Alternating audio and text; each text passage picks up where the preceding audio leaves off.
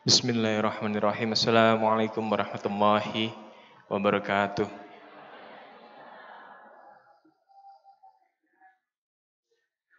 Alhamdulillahirabbil alamin wa binastain wala umur dunya waddin wassalatu wassalamu ala Muhammad wa ala ali Muhammad amma ba'd.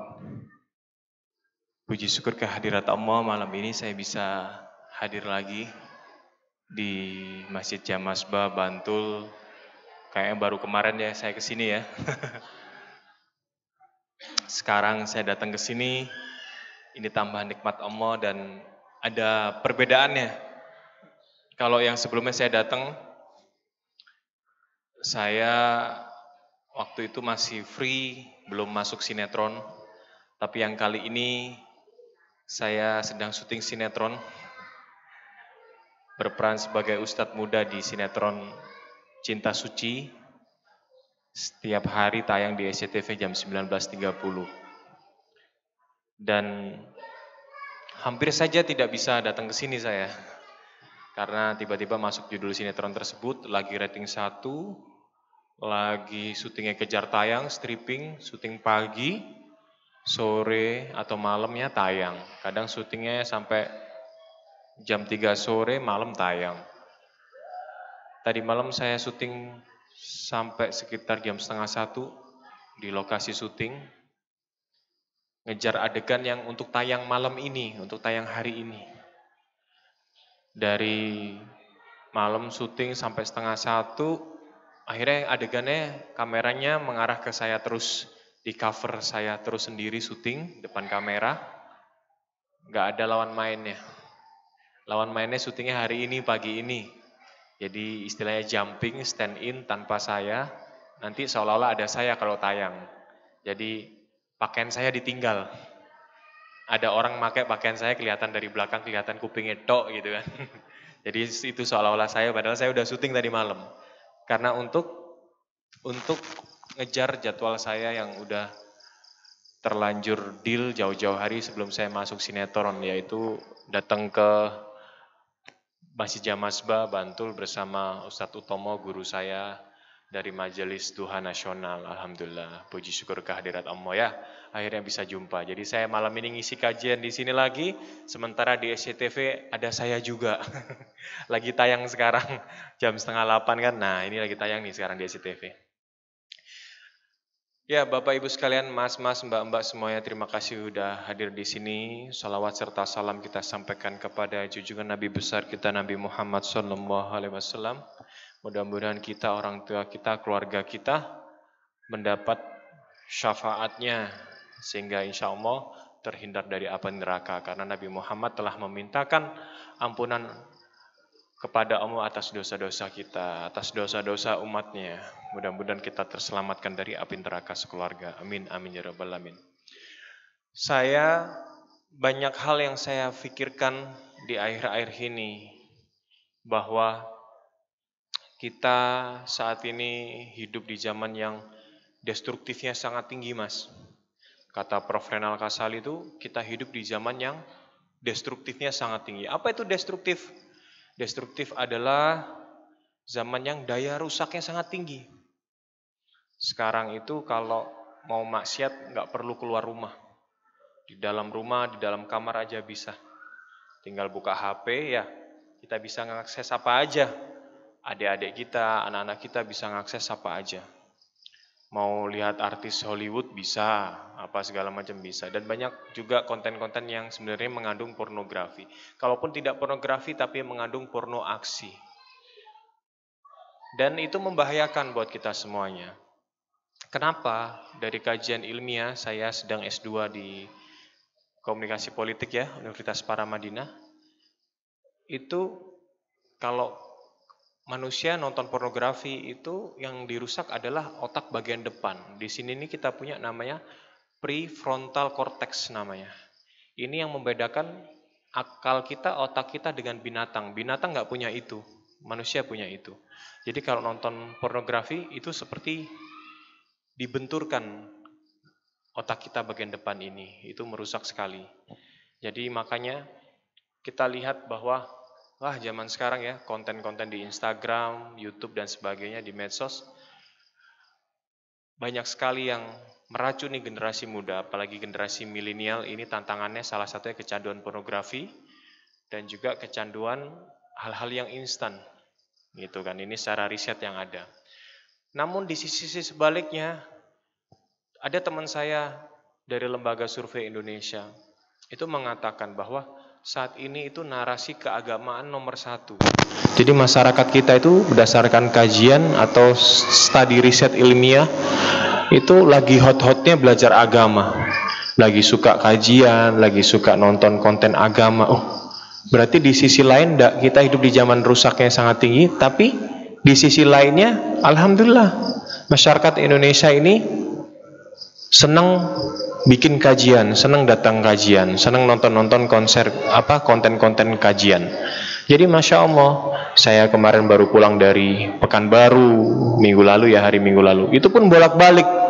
Tadi ya saya mau nginep dulu hari Sabtu datang ke Pekanbaru Riau gitu kan mal apa saat minggunya ngisi acara terus malamnya balik tapi ternyata karena syuting akhirnya saya bolak-balik syuting selesai jam 12 malam. Seperti tadi malam nyampe rumah saya jam 1 tidur bentar jam 3 bangun setengah 4 saya bilang saya menuju bandara. Pesawatnya setengah 6 gitu kan. Alhamdulillah sampai juga di Jogja. Jadi ada hal yang lain yang saya rasakan saya waktu ngisi pertama di sini kan. Ada yang hadir waktu itu. Yang hadir angkat tangan coba yang di kajian saya yang sebelumnya ada lagi selain Mas ini, Mbak-mbak? Oh, banyak ya kan? Itu kan selalu saya sampaikan ya, bahwa saya ini dakwah, saya ini berjuang menyampaikan syiar agama Islam melalui dunia entertainment, tantangannya banyak, godaannya banyak, dan gak semua sinetron saya ambil, gak semua film saya ambil ya. Kemarin saya sampaikan juga bahwa habis nolak film 200 juta karena film itu di dalamnya terkandung unsur pornografi. Mas Solidi ini peran Mas Solidi peran utama 200 juta buat Mas Solidi. Pertama nawarin 150 juta. Saya ngetes, ini orang kok berani ngasih harga segini? Kalau 200 juta gimana? Ya udah besok kami follow up kepada produser kami Mas Solidi. Besoknya saya dikabarin, Mas Solidi produser oke, okay, honor Mas Solidi 200 juta.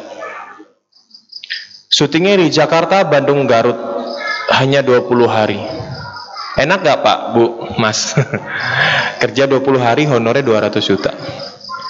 Berarti kita ketemu langsung tanda tangan kontrak ya Mas Solidi. Saya bilang, Pak, udah tahu belum tentang saya? Kenapa? Saya kalau, main film ataupun sinetron, saya selalu menyampaikan kepada produser dan sutradaranya. Saya tidak mau beradakan pegangan tangan, pelukan dan ciuman. Oh gitu ya Mas ya. Dan ada lagi selanjutnya, saya cek dulu skenario nya. Skenario nya baik nggak? Islami nggak? Kalau baik islami saya ambil. Saya mau. Akhirnya ya udah kita kirim skenario nya ya gitu kan. Pas dikirim saya cek innalillahi ternyata film komedi. Yang di dalamnya ada adegan cewek-cewek pakai baju mini-mini pakai baju seksi. Aduh.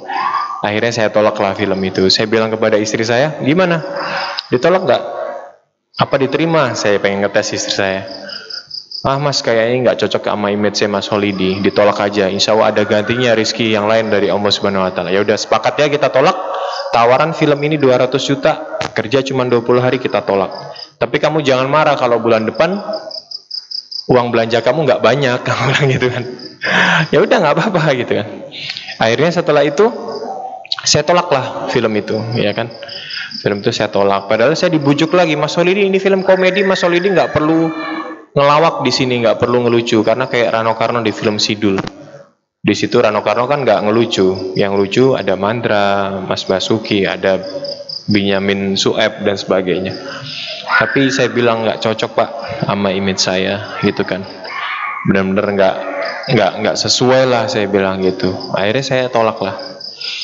Saya berjuang seperti ini dari dulu dan sampai sekarang Makanya saat ini saya ada di sinetron Cinta Suci itu siapa ngira? Sinetron sengepop itu sinetron yang lagi rating satu. Drama percintaan tiba-tiba ada scene religi. Ada sin religi, sin pesantren, banyak dialog-dialog yang islami, ada yang saya tambahkan juga, misalnya ada tentang musibah, penulis skenario nulis tentang musibah, gini-gini, nasihatin peran utamanya. Si Ustadz Husnul atau Ustadz yang saya perankan ya. Saya tambahin ayat Al-Quran, ma'asoba musibatin illa bismillah, tidak ada musibah yang terjadi kecuali atas izin Allah, saya tambahin di situ. Saya sampai saat ini dakwah melalui dunia entertainment penuh perjuangan. Karena saya di S1 saya juga jurusan ilmu komunikasi, S2-nya komunikasi politik. Jadi mengkaji tentang pertelevisian juga tentang TV. Kalau rating satu sinetron itu Pak, Bu, itu yang nonton 17 juta orang sampai 20 juta orang. Dahsyat ya kalau kita dakwah di situ ya. Balagu ani walau ayah, sampaikanlah walaupun satu ayat kata Nabi. Wih, dahsyat nih kalau nyampein di situ yang nonton 17 juta orang Pak yang lihat Pak yang mendengarkan. Dan sampai saat ini hampir belum tidak hampir tidak ada rating pertelevisian Indonesia yang ngalahin sinetron kecuali sepak bola. Biasanya kalau ada sepak bola itu bisa rating satu sepak bola sinetronnya rating dua. Apalagi kalau timnas main. Tapi sinetron Cinta Suci ini sempat ngalang-ngalahin sepak bola ratingnya dahsyat ya. Jadi di sinilah saya menggunakan sebaik-baiknya kesempatan untuk berdakwah Waktu itu pulang dari sini saya masih belum dapat sinetron, saya kan minta doa, doakan saya dapat kerjaan yang baik ya. Mungkin karena jamaah masjid uh, jamaah seba juga saya akhirnya dapat sinetron yang Islami. Saya juga mengucapkan terima kasih banyak. Jadi saya akan tetap berdakwah melalui dunia entertainment, melalui dunia film yang tentunya nggak mudah. Saya berharap perindustrian kita itu makin makin banyaklah yang yang suka lah ya kan gimana caranya kita ini dalam hidup apa yang saja yang kita lakukan ini bernilai ibadah apa saja yang kita gerakan ini bernilai ibadah kadang kalau pebisnis itu pengen setiap menit setiap detik tambahan waktu itu menghasilkan uang menghasilkan dolar atau rupiah tapi kalau kita gimana caranya setiap detik setiap waktu bisa menghasilkan pahala jadi setiap detik, setiap saat, apa yang kita lakukan kita niatkan untuk ibadah. Kerja pun untuk ibadah. Menghirup nafas kita juga niatkan untuk ibadah. Istilahnya zuhud lah karena Allah. Kita makan juga tujuannya untuk ibadah. Insya Allah zuhud lah gitu kan. Kita niatkan apa semua yang kita lakukan ini untuk ibadah. Dan saya sampai sekarang pun sama. Saya masih terus ada giroh untuk dakwah. Saya selalu sampaikan bahwa kalau dakwah siar itu bukan hanya tugas ustadz atau ustazah, bukan hanya tugas artis atau tokoh-tokoh Islam atau artis-artis yang hijrah atau artis-artis yang islami. Tapi tugas kita semuanya dan dakwah kita jangan linier, kalau bisa meluas. Istilahnya gini, masa kita kalah sama MLM. Kalau MLM, MLM gimana? Gak mungkin dia memprospek suatu produk terhadap member yang udah jadi anggotanya, ya. Gitu kan. Antum sudah jadi membernya nggak mungkin saya saya mempromosikan produk MLM. Ini ini ini nggak mungkin. Saya harus pasti cari yang lain. Cari yang lain untuk memperkenalkan produk saya. Sama dakwah juga. Kalau bisa ada temennya yang belum pakai hijab ya ditemani, didukung, disupport, didoakan untuk bisa sampai pakai hijab. Yang laki-laki juga sama yang ikhwan. Kalau antum punya temen yang nggak suka kajian, diajaklah temennya. Jangan ditinggalkan. Ayo kita nongkrong yuk di masjid yuk. Ini nih ada tema yang seru, diajak dulu pelan-pelan sampai dia suka. Gitu kan. Amar ma'ruf nahi mungkar menyampaikan kebaikan nggak boleh dengan memaksa tapi mendoakan. Tapi kalau nahi mungkar mencegah kemungkaran, kita wajib untuk mencegahnya. Ya, saya waktu itu menyampaikan juga bahwa saya pernah mengajak orang sholat Jumat, pegawai saya sendiri. Saya di Jakarta ada ada warung serabi duren sama ayam bakar. Tutupnya sampai jam 12 malam, terus habis itu belanja. Mungkin pegawai saya ini kecapean. Jam 11 siang hari Jumat saya bangunin, ayo bangun yuk sholat Jumat. Wah mas udah berangkat aja sendiri Nanti kamu dicari, dicari malaikat saya bilang gitu Salam aja buat malaikat katanya Wih, ini orang nantangin malaikat Saya ajak sholat Jumat, salam aja buat malaikat. Ya udahlah, masa saya paksa saya seret-seret kan nggak boleh juga. Akhirnya setelah sholat Jumat, sorenya saya ketemu dia, saya bilang, kamu tadi di absen malaikat, dia ketawa aja. Tapi besoknya, ya besoknya sore-sore saya kaget. Saya pulang dari aktivitas di luar, depan rumah saya itu masjid besar, Tiba-tiba dia turun dari masjid sore, ikut jamaah sholat asar. Namanya Ega pegawai saya ini. Ega, kamu kok turun dari masjid pakai baju koko rapi, ganteng gitu, pakai sarung gitu. Iya mas, aku semalam mimpi dicekek orang gede banget katanya. Jadi dia saya ajak ke Jumat bilang salam aja buat malaikat. Didatengin malaikat betul. dia takut. Akhirnya dia sholat. Wah itu hati saya senang banget bu. Saya rasanya lebih bahagia daripada saya ngasih gaji mereka tiap bulan. Itu serius. Bahagia banget bisa membuat orang sholat gitu kan. Bisa menjadi wasilah orang atau perantara untuk sholat ya. Kita gimana caranya mas kalau kita di kelas lagi sekolah azan kita ajak teman kita sholat tapi dia nggak mau. Ya masa kita seret ya nggak boleh. Terus gimana? Kita doakan. Uzuni astajib lakum kata Allah. Berdoalah kepadaku niscaya aku akan mengabulkan. Jadi senjata kita adalah doa. Doa bin doa senjata orang mukmin. Bukan pedang bukan palu bukan arit ya. Apalagi palu arit. Ya, itu bukan senjata kita ya. Jadi senjata kita adalah doa. Itu kan jangan main-main dengan doa. Ini dahsyat sekali. Kita berdoa Nggak ada yang nggak mungkin bagi Allah. Didoakan saudara-saudara kita, teman kita yang belum berhijrah mungkin ya, yang sedang ya belajarlah. Sama saya juga sedang belajar. Dalam kesempatan ini saya menyampaikan apa yang saya lakukan, apa yang saya sampaikan. Tidak ada maksud untuk menggurui Anda semuanya. Anggap saya adik atau sahabat atau sebagai anak kalau ada orang yang lebih tua di sini daripada saya. Dan pula harus meluruskan niat dalam berhijrah. Semakin bertakarub kepada Allah bukan berarti tidak akan diuji oleh Allah ya, pasti akan diuji terus oleh Allah ya. Sama gitu kan tantangannya. Saya sudah menikah ya, punya anak dua. Godaannya aja ada, ada aja di dalam rumah tangga. Tapi saya bilang sama istri saya, justru nilai orang beribadah ketika sudah berumah tangga ini ketika sudah menikah value-nya nilai ibadah di hadapan Allah jauh lebih besar daripada yang single. Karena kita sudah menyempur, menyemp, menyempurnakan separuh agama ad-din. Jadi nilainya sudah berbeda daripada yang single. Di sini yang jomblo banyak. Eh yang jomblo ada ya? Ada ya pasti ya. Saya bilang bahwa bukan jomblo single lillah. Kalau jomblo itu karena nggak laku tapi singelila itu tidak. Singelila itu pilihan. Pilihan untuk sendiri daripada yang tidak halal. Pilihan untuk sendiri nunggu yang halal. Pilihan sendiri untuk lillah untuk mendapatkan ridhonya Allah Subhanahu wa taala. Jadi kalau ditanya di sini yang belum menikah, kamu jomblo ya? Oh bukan, aku nggak jomblo. Aku single lillah. Kalau jomblo berarti nggak laku gitu kan. Tapi singgelilah itu pilihan. Nggak mau pacaran nggak mau halwat nggak mau ikhtilat. Wala takrobu zina nggak mau mendekati zina.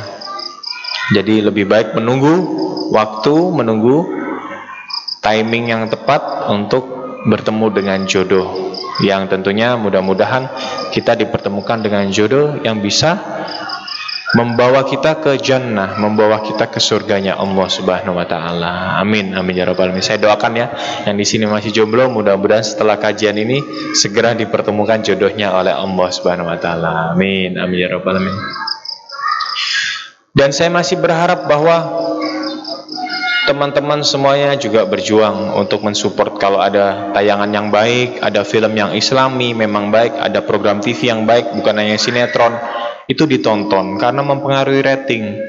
Karena nanti produser itu melihat, oh ini program ini yang nonton banyak, nanti TV-TV lain akan niru, akan bikin program juga yang sama. Kalau nggak ada yang nonton, antum nggak peduli. Wow, males nonton TV ya, program program baik nggak ada yang nonton. Akhirnya program jelek lah yang banyak yang nonton. Program yang banyak mudorotnya banyak yang nonton. Akhirnya TV berlomba, ah bikin program yang jelek kayak gitu aja banyak yang nonton. Mending bikin kayak gitu deh.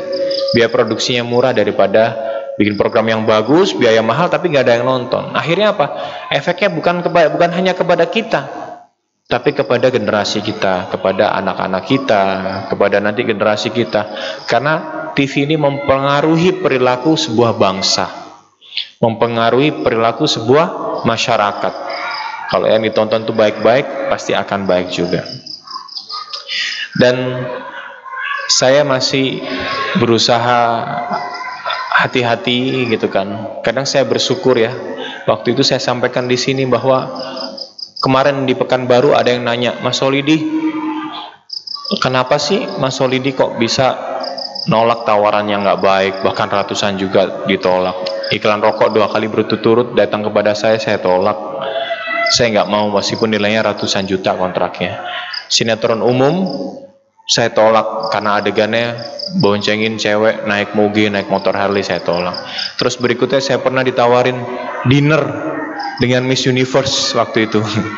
Di Indonesia kan waktu itu ya ada Miss Universe ya ajang Miss Universe. Dinner di Bali makan malam di Bali. Saya dikasih tiket pulang pergi pesawat dikasih hotel dikasih uh, apa uang saku ibaratnya gitu kasih penginapan di hotel. Tapi saya tolak. Saya nggak mau. Karena waktu itu mas, sebagian besar masyarakat Islam menolak ajang tersebut ada di Indonesia. Saya tolaklah. Kenapa Mas Ruli kok sampai bisa seperti itu gitu kan? Apa kok bisa punya prinsip seperti itu kenapa? Saya bilang karena saya takut Loh, kok bisa takut? Iya takut. Satu amal ibadah saya belum tentu semuanya diterima oleh Allah. Kalau saya melakukan kebaikan, kejelekan, saya melakukan kejelekan, saya main sinetron yang tidak baik, main film yang tidak baik, nanti dosanya jariah. Dosanya berkali-kali lipat. Ditonton orang saya dapat dosa lagi. Ditonton orang saya dapat. Saya nggak mau seperti itu gitu kan. Kulillahumma malikal mulki tutil mulka man tasya wa tanzi'ul mulka mimman tasya wa tu'izzu man tasya wa tudhillu man tasya biyadikal khair innaka ala kulli syai'in qadir. Saya selalu menyampaikan ayat ini karena kenapa? Itu hak Allah. Wahai Allah Engkau pemberi kekuasaan terhadap orang yang kau hendaki dan engkau mencabut kekuasaan terhadap orang yang kau hendaki. Engkau memuliakan orang, engkau memuliakan orang terhadap orang yang kau hendaki dan engkau menghinakan orang terhadap orang, orang yang kau hendaki. Di tangan engkau lah segala kebajikan. Saya sampaikan itu bahwa kita saat ini mungkin dimuliakan oleh Allah, tapi harus kita jaga. Jangan sampai kita terspleset akhirnya kita dihinakan oleh Allah. Jangan sampai gitu kan. Kita pernah dengar orang kaya raya tiba-tiba miskin banyak. Ya saya pernah dengar ada tetangga saya juga mengalami seperti itu. Jadi tadinya mulia tiba-tiba diambil oleh Allah kenikmatan-kenikmatan terus dihinakan oleh Allah itu juga ada. Jadi saya takut. Jadi saya harus hati-hati menerima kerjaan. Tidak hanya uang yang kita cari karena Islam ini salamah mencari keselamatan. Bukan hanya uang tapi juga keberkahan yang kita harapkan Ya, kadang kita dapat uang banyak tapi nggak berasa kok habis berarti nggak berkah. Dapat uang sedikit tapi kok cukup ya buat ini buat itu berarti berkah. Apalagi kalau kita punya anak tentunya kita berharap apa yang kita berikan untuk anak kita semuanya itu yang berkah. Itu yang halal, itu yang nggak subhat. Bahkan hukumnya kalau kita ada rezeki yang bersifat antara halal sama haramnya beda tipis lebih baik tinggalkan lebih baik ditinggalkan. Ini nggak jelas nih halal haramnya. Oh, lebih baik ditinggalkan karena subhat. Kita harus hati-hati dalam hidup. Kita harus punya sifat warok. Kita takut terhadap dosa-dosa yang kecil, apalagi dosa yang besar. Jadi saya pun di lingkungan sinetron itu ada teman-teman kru yang juga nanya-nanya tentang agama, nanya-nanya tentang Islam, saya jawab sebatas yang saya mampu. Jadi dakwah pun tidak hanya depan layar tapi belakang layar. Banyak teman-temanku yang butuh juga diskusi tentang agama, tentang ketuhanan. Sebatas saya mampu insya Allah saya sampaikan. Jadi apalagi di sini jamaah jamaah saya lihat rutin sekali. Ini malam minggu tapi termasuk rame ya. Malam minggu betul ya, malam minggu ya. Ini malam minggu yang keren, malam minggu yang keren karena biasanya nongkrong-nongkrong di sana kemari, tapi anda semua ada di masjid. Saya salut kepada Anda semuanya dan tentunya yang sempat lihat Instagram saya, saya kemarin tuh minta doa buat anak saya, Bahia Khurudin Holidia, karena Bahia sakit, ikut ke sini. Cuman dia lagi sakit, jadi mohon doanya, doakan Bahya bisa kembali pulih, kembali sehat, kembali normal dan kembali sempurna oleh Allah Subhanahu wa taala. Mohon doanya karena ya saya berjuang, saya bekerja itu niatnya juga untuk kebahagiaan anak ya. Ketika anak sakit rasanya lemes, Bu. rasanya lemas sekali. Kadang diskusi sama istri saya, ya kita hidup sekarang nggak boleh egois, nggak boleh mementingkan keinginan diri kita sendiri dalam rumah tangga. Kita lihat anak kita, gitu kan. Kalau kita lihat, wah di luar sana banyak rumah tangga yang cerai, naudzubillah min dari jangan sampai kita mengalami seperti itu. Saya bilang, yang sulit itu mempertahankan, ya. Menjaga itu sulit. Kalau cerai gampang, kamu menikah lagi gampang, kamu punya prestasi. Aku menikah lagi juga mungkin gampang. Tapi bukan itu. Gimana caranya kita berjuang, bertahan demi keutuhan rumah tangga dengan mengharapkan ridhonya Allah Subhanahu wa taala. Ini anak-anak ini butuh figur kita berdua, figur kedua orang tua. Jadi kalau antum nanti yang masih single lila di sini menikah, berjuangkanlah. Masalah rumah tangga itu pasti ada ya saya meskipun baru baru menikah tapi udah ngalami banyak hal ya. Jadi yang masih mau menikah mungkin saya bisa berbagi sedikit. Kalau yang sudah menikah bertahun-tahun nah mungkin saya malah berguru kepada anda gitu kan jadi kadang sometimes kita menikah ujiannya macam-macam nggak hanya satu nggak hanya ini. Kadang-kadang dari perekonomian bisa menjalar ke mana-mana misalnya. Gitu kan. Bahkan bagi laki-laki yang pengen menikah saat ini juga saya juga sedang nulis buku 2019 siap nikah. Nanti insya Allah saya launching di Instagram saya. Itu saya juga nulis gitu kan tentang perjuangan pernikahan. Mempertahankan, mempertahankan dan memperjuangkan bahtera rumah tangga. Jadi di Syekh Yusuf Al-Qaradawi ya itu kan ulama yang lagi terkenal ya Yusuf Al-Qardawi itu mengatakan kalau laki-laki mau menikah sama perempuan meskipun perempuannya kaya pun itu wajib menafkahi bahkan kalau nggak punya uang malah disuruh ngutang. Pokoknya antum itu harus wajib nafkahin kepada perempuan meskipun perempuannya punya banyak uang. Sampai seperti itu. Jadi intinya kita sebagai laki-laki saya bilang juga sama istri saya saya akan berjuang kemarin belum dapat sinetron saya ke warung saya punya warung di Kalibata gitu kan serabi durian nama yang bakar. Saya bekerja di situ ngelayanin orang makan saya cuci piring juga kadang-kadang saya ngangkatin piring. Nggak ada masalah. Orang-orang kadang kaget. Ini kayaknya pemain film ketika cinta bertasbih ya kok pakai sendal jepit gitu kan? Ketika saya di warung saya ngontrol pegawai saya ketika nggak ada syuting. Gak ada masalah buat saya yang penting halal bisa beliin pampers anak bisa beliin. Anak saya yang pertama itu udah dua tahun lebih jadi dikombinasi asi dengan susu susu kotak ya gitu kan. Karena kebutuhannya udah sangat tinggi kan karena punya adik lagi. Jadi yang penting bisa beli susu sama pampers kehidupannya seperti itu Orang-orang bertanya sama saya, Mas di kapan main film, kapan ini? Saya bilang, yang nawarin ada aja, tapi yang cocok belum tentu ada. Gitu kan. Saya nggak takut bahwa nggak populer lagi, nggak dikenal masyarakat, karena nggak semua kerjaan saya ambil. Nggak ada masalah, nggak ada masalah. Itu kan. Kita ini hidup hanya sementara, bukan hanya uang yang dicari, tapi keberkahan. Saya pun sampai sekarang selalu minta doa kepada orang-orang. Doakan saya istiqomah dalam berdakwah, dalam menjadi aktor yang berdakwah, dalam di dunia entertainment. Saya ini masih belajar juga. Jadi intinya kita mengharapkan setiap langkah kehidupan kita itu disukain oleh Allah. Kalau disukain enak ya. Coba deh kalau yang udah punya pasangan halal, udah menikah. Istrinya lagi masak, sebenarnya asin, kasinan kebanyakan garam, tapi suaminya suka kepada istrinya. Ketika dimakan, wah enak, ya enak, enak. Nah, padahal asin ya. Itu kan seperti kisah Nabi juga ya. Tapi kalau nggak suka kita kepada istri kita gimana? Makanan nggak asin dibilang asin. ah asin nih nggak enak gitu kan. Padahal nggak asin. Karena karena sudah nggak suka duluan. Begitupun sebaliknya, itu kan. Kalau istri kita sudah nggak suka sama kita, mau kita kasih uang 100 ribu, 500 ribu ataupun sejuta setengah, dia masih cemberut.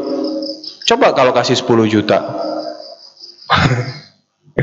Bisa jadi jadi senyum. Enggak, maksudnya kalau udah nggak suka mau kasih apa aja ke istri, ke pasangan kita, kita nggak bakal disukain gitu kan.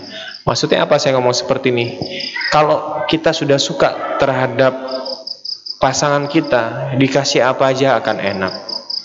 Uang belanja sehari-hari dikasih cuman 50 ribu buat sehari-hari ya gitu kan akan ngerasa tetap senang, tetap ngerasa cukup, tetap ngerasa bahagia.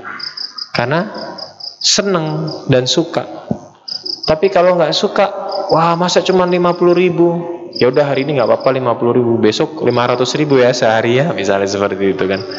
Maksudnya apa saya bercerita seperti ini? Kalau kita memang suka kepada Allah, kalau memang di hati kita ini cinta kepada Allah, kalau memang kita ini sayang kepada Allah, seharusnya di dalam kehidupan kita dikasih apa aja oleh Allah, kita tetap harus bersyukur, harus tetap bahagia, harus tetap senang, karena kita cinta kepada Allah. Dikasih musibah, alhamdulillah. Apalagi dikasih rizki, ya.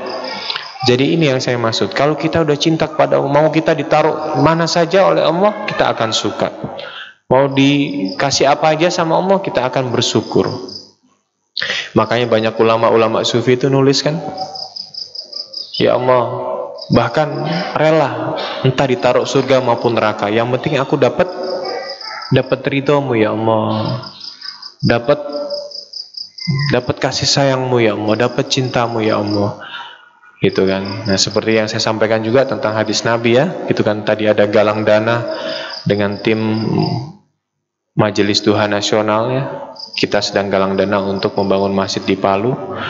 Dawonya Nabi kan tentang membangun masjid ini membana masjidan li wajhiya lillahi ta'ala bana walahu baitan fil jannah barang siapa yang membangun masjid ingin mengharapkan berjumpa dengan li wajhiya lillahi ta'ala berjumpa dengan wajahnya Allah mengharapkan ridhonya Allah niscaya Allah akan baitan fil jannah membangunkan istana di surga jadi kalau kita menghidupkan masjid seperti sekarang kita sholat di masjid, aktif datang kajian, aktif nyumbang, infak, sodako, ada yang galang dana untuk masjid di Palu dan sebagainya, ikut nyumbang, itu juga menghidupkan masjid.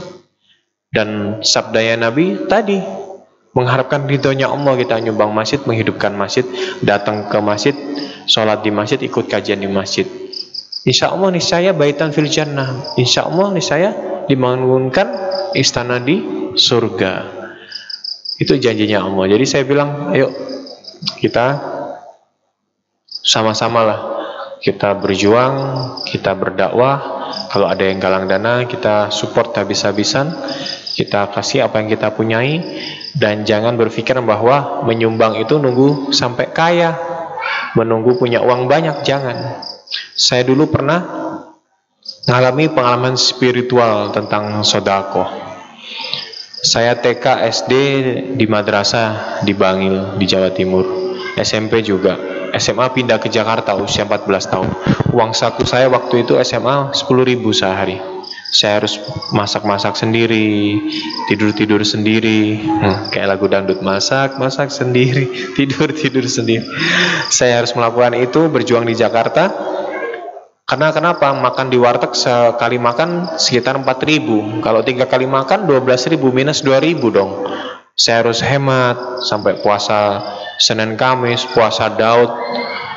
Sehari puasa sehari enggak sok-sokan kuat padahal sebenarnya cuma hemat uang saku.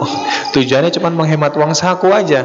Sehari 10 ribu biar nggak jajan di kantin. Kalau ditanya temen, "Eh, Di, Holiday, Lo nggak jajan di kantin, gue lagi puasa. Wah, sosokan gitu ya. Padahal tujuannya untuk hemat uang saku. Karena nggak punya uang buat ke kantin. Ya udahlah, alhamdulillah bisa buat puasa, buat ibadah juga. Sehari sepuluh ribu. Orang tua saya sampai nggak tega. Apa cukup di sehari sepuluh ribu? Saya bilang, abah ibu ini justru tantangan. Gimana caranya saya bisa menaklukkan ibu kota, bisa jadi orang sukses di Jakarta dengan uang sepuluh ribu sehari. Saya pernah punya pengalaman tentang sodako. Saya waktu itu mau sholat di masjid yang agak jauh lah dari rumah saya. Pinjam motor tetangga. Dipinjemin ya nggak apa-apa ini nggak dipakai motornya pinjem aja di holiday gitu kan. Iya mas makasih gitu kan. Gitu kan tak pinjem saya pinjem sholat. Wah nggak usah bawa dompet orang cuma mau ke masjid. Dompet juga nggak ada uangnya. Masih SMA kan nggak punya penghasilan sendiri uang dari orang tua gitu kan jalanlah ke masjid itu saat di masjid wudhu kan saat mau memasuki masjid di pintu kan biasanya ada kotak amal tuh ya ada kotak amal di tengah-tengah. Saat jalan, terus saya lihat rasanya hati ini ingin sodako, ingin nyumbang. Tapi aku ini nggak punya uang, dompet juga aku nggak bawa, dompet juga nggak ada uangnya. Terus saya pegang saku saya. Eh, kok kayak ada kertas? Hmm. Kayak ada kertas nih di saku nih. Terus saya mengucap janji bernazar kepada Allah. Ya Allah, berapapun uang saku di saku saya ini, berapapun uang yang di saku saya ini akan saya masukkan ke kotak amal. Jadi janji kepada Allah. Berapapun uang yang ada di saku saya ini saya masukkan kotak amal. Saya ambil, saya raba celana saya di dalam saku, saya ambil uangnya, saya lihat, ya Allah nangis saya. Ternyata uang jajan saya lima hari, lima puluh ribu. Wah, 50 ribu ternyata. Ya Allah nyesel saya janji tadi. Itu beneran saya nyesel. Waduh 50 ribu nih uang jajanku 5 hari. Tadi udah Terus kadung janji Terus kadung ngucap Nazar kepada Allah. Berapapun uang sak, uang yang ada di saku ini Saya masukin kotak amal Terus saya menimang-nimang lagi hati saya Saya berpikir bahwa Eh bisa aja ya Tadinya uang di saku saya ini seribu, tapi ketika saya ngucap berapapun uang di saku saya akan saya masukkan kotak amal, Allah merubahnya menjadi lima puluh ribu. Mungkin nggak? Mungkin. Karena tidak ada yang nggak mungkin bagi Allah. Allah maha ajaib maha segalanya. Ya udah, akhirnya dengan terpaksa dan dengan penuh tidak keikhlasan, saya masukkan uang lima puluh ribu itu ke kotak amal. Ditanya, apakah ikhlas holiday? Tidak. Saya tidak ikhlas. Lah, itu uang saya hidup lima hari. Buat uang jajan saya lima hari, buat sekolah, buat bayar transport, buat bayar naik bis apa segala macam. Ya Allah, ya udahlah, udah tanggung janji masukin aja lah. Masuk ke dalam masjid sambil berat langkahnya. Setelah sholat maghrib, udah keluar dari masjid, ngelewatin pintu itu sambil lihat kotak amal itu. Diteloi ya kota amal itu. Kan kota amalnya bening ada kacanya. Sambil ngelihat aja itu yang warna biru 50 ribu tuh uangku itu. Ya udah. Ya udah gimana lagi? Udah terlanjur janji dengan berat hati lah masukin uang 50 ribu tuh kotak amal ya wis lah terus saya pengen silaturahmi mumpung dipinjemin motor ya nggak apa-apa kan disuruh pakai aja nggak dipakai motornya orangnya udah ikhlas Aku dipinjemin. Apa yang silaturahmi? Ini rumahnya temanku nggak jauh dari sini nih. Mainlah saya ke rumahnya. Assalamualaikum. Waalaikumsalam. Gitu kan. Waalaikumsalam. Terus ketemu ngobrol depan teras rumahnya. Ada orang tuanya. Eh, dia apa kabar? Udah lama ke sini. Oh ya, ya, gini-gini. Ngobrol-ngobrol-ngobrol. Nggak lama kemudian kakaknya datang, masnya datang.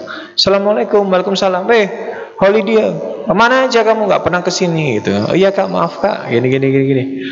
Ah ini kakak ada rezeki nih hari ini, ini buat kamu nih gitu kan. Saya tolak-tolak. Eh jangan pak, jangan kak, makasih kak. Kata orang tuanya. Rezeki nggak perlu ditolak holiday. Ya udah saya terima. Saya terima kan. Iya makasih banyak kak ya. Pas saya lihat, ya Allah ini uangku di kotak amal tadi balik lagi ke aku. Jadi kontan dibayar oleh Allah saya terpaksa sodako dengan tidak ikhlas dengan berat hati 50 ribu saya silaturahmi ke rumah teman saya di sholat maghrib di hari itu juga gak lama lah waktunya kontan dikembalikan oleh Allah.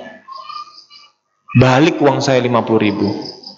Itu sodako yang tidak ikhlas. Gimana yang ikhlas? Nah, ya enggak? Itu beneran saya ngalami betulan. Makanya kata Nabi tentang sodako layahdat, layahdat, layahdat. Bertambah, bertambah, bertambah. Bukan berkurang, berkurang, berkurang. Itu kata Nabi. Itu yang baru kelihatan bu, mas, mbak. Uang saya kembali. Belum yang tidak kelihatan. Mungkin bisa tolak bala. Ya, terhindar dari maut, dari kematian yang yang buruk. Ya, ada salah satu kisah Nabi itu sodako itu menghindarkan dari kematian yang buruk, menghindarkan dari maut. Belum lagi dengan sodako nutup nutupin bisa dapat apa menambah rizki dengan sodako macam-macam lah, gitu kan. Itu yang yang yang nggak kelihatan, yang kelihatan langsung jelas di diganti oleh Allah. Jadi kita yang masih berjuang, masih kuliah, nggak punya uang, apa segala macam, bukan berarti kita nggak nggak sodako, tapi sodakolah. Kalau nunggu kaya nanti aku kaya sodako, belum tentu kita nyampe kekayaan umur kita masih ada. Jadi lakukanlah yang terbaik. Udah apa yang kita punyai kita sedekahkan, kita banyak hal. Saya merasa uh, banyak keajaiban kalau kita ada di atmosfer yang kita cinta kepada Allah. Banyak keajaiban. Itu kan. Kayak saya gini. Wah, saya udah jadi bapak-bapak. Kalau anak satu kan bapak, kalau anak dua bapak-bapak. Kalau anak tiga, bapak, bapak, bapak. Karena saya anak dua, saya punya anak dua, bapak-bapak.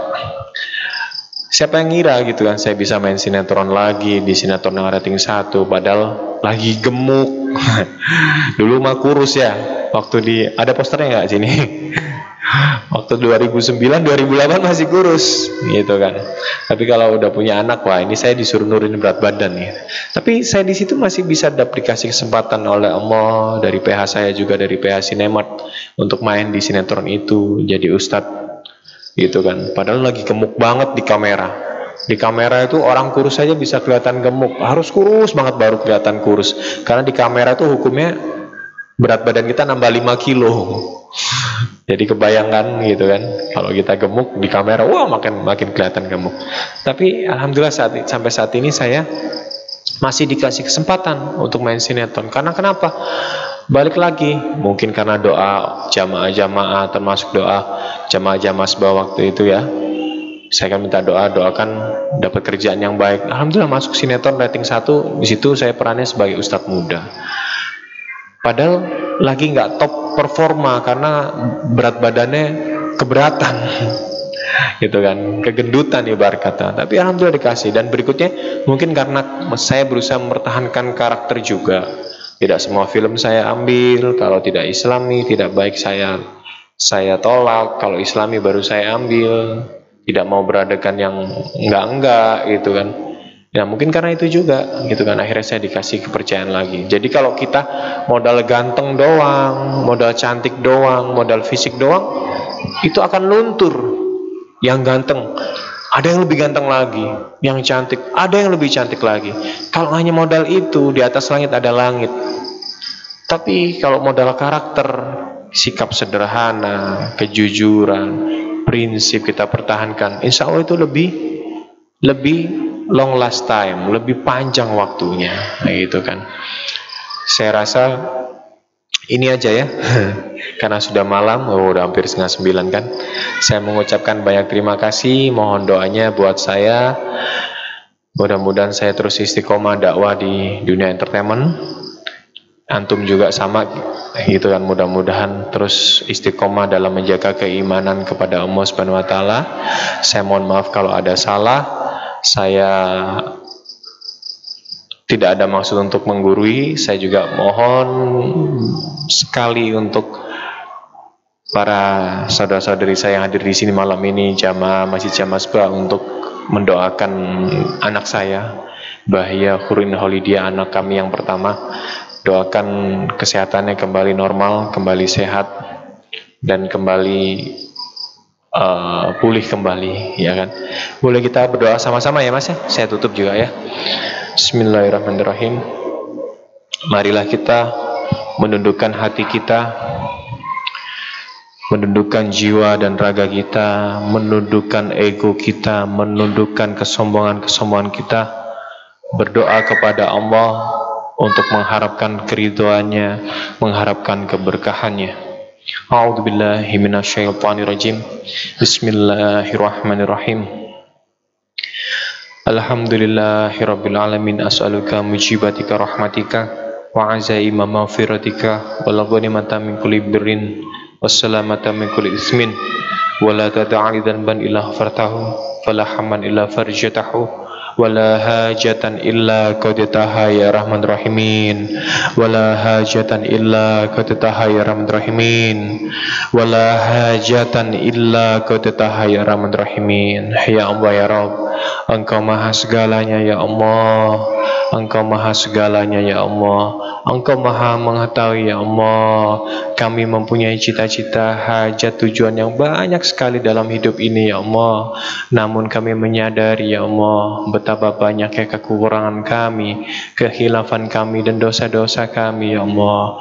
Ampunilah dosa kami ini ya Allah. Ampunilah ya Allah. Kami hanya mengharapkan kekuatan dan mujizat darimu ya Allah Agar keinginan kami, tujuan kami, hajat kami Engkau kabulkan ya Allah ya Rob. Ya Allah ya Rob Apabila di antara kami ada yang belum ada jodohnya Mudah-mudahan engkau segera pertemukan ya Allah Engkau dekatkan jodohnya ya Allah Engkau berikan jodoh yang terbaik ya Allah Jodoh yang bisa menghantarkan ke surgamu ya Allah Menghantarkan ke jannahmu ya Allah Jodoh yang membuat diri kami ini makin baik ya Allah Ya Allah ya Rob Ampun dosa kami ya Allah Apabila ada di antara kami Orang tua kami, saudara kami, tetangga kami Dalam keadaan sempit ya Allah Dalam keadaan banyak hutang ya Allah Engkau beri kami rizki yang luas ya Allah Engkau tolong kami ya Allah. Kami tidak ingin menjadi maling di hadapanmu ya Allah.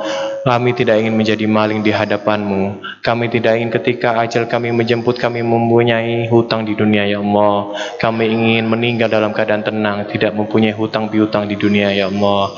Ya Allah ya Rob, tambahkan rizki yang luas, yang berkah dan berlimpah ya Allah. Tolonglah kami ya Allah, tolonglah kami ya Allah. Jadikanlah hati ini ya Allah, detik setiap detik makin bertakarub kepadamu, makin cinta kepadamu dan cinta ke nabimu ya Allah. Ya Allah ya Rob. Jadikanlah setiap langkah kami ini langkah yang penuh ibadah kepadamu ya Allah. Hanya engkaulah pengabul segala hajat kami. Tiada daya dan upaya selain pertolonganmu ya Allah. Rabbana atina fid dunya hasanah wa fil akhirati hasanah wa qina azabannar. Rabbil firli wa li walidayya kama rabbayani shaghira. Rabbil firli wa li walidayya kama rabbayani shaghira. Wa sallallahu ala sayyidina Muhammad rabbil alamin. Amin. Amin, amin. Terima kasih banyak. Mohon maaf kalau ada salah. Sampai jumpa lagi. Wassalamualaikum warahmatullahi wabarakatuh. Ya, yes,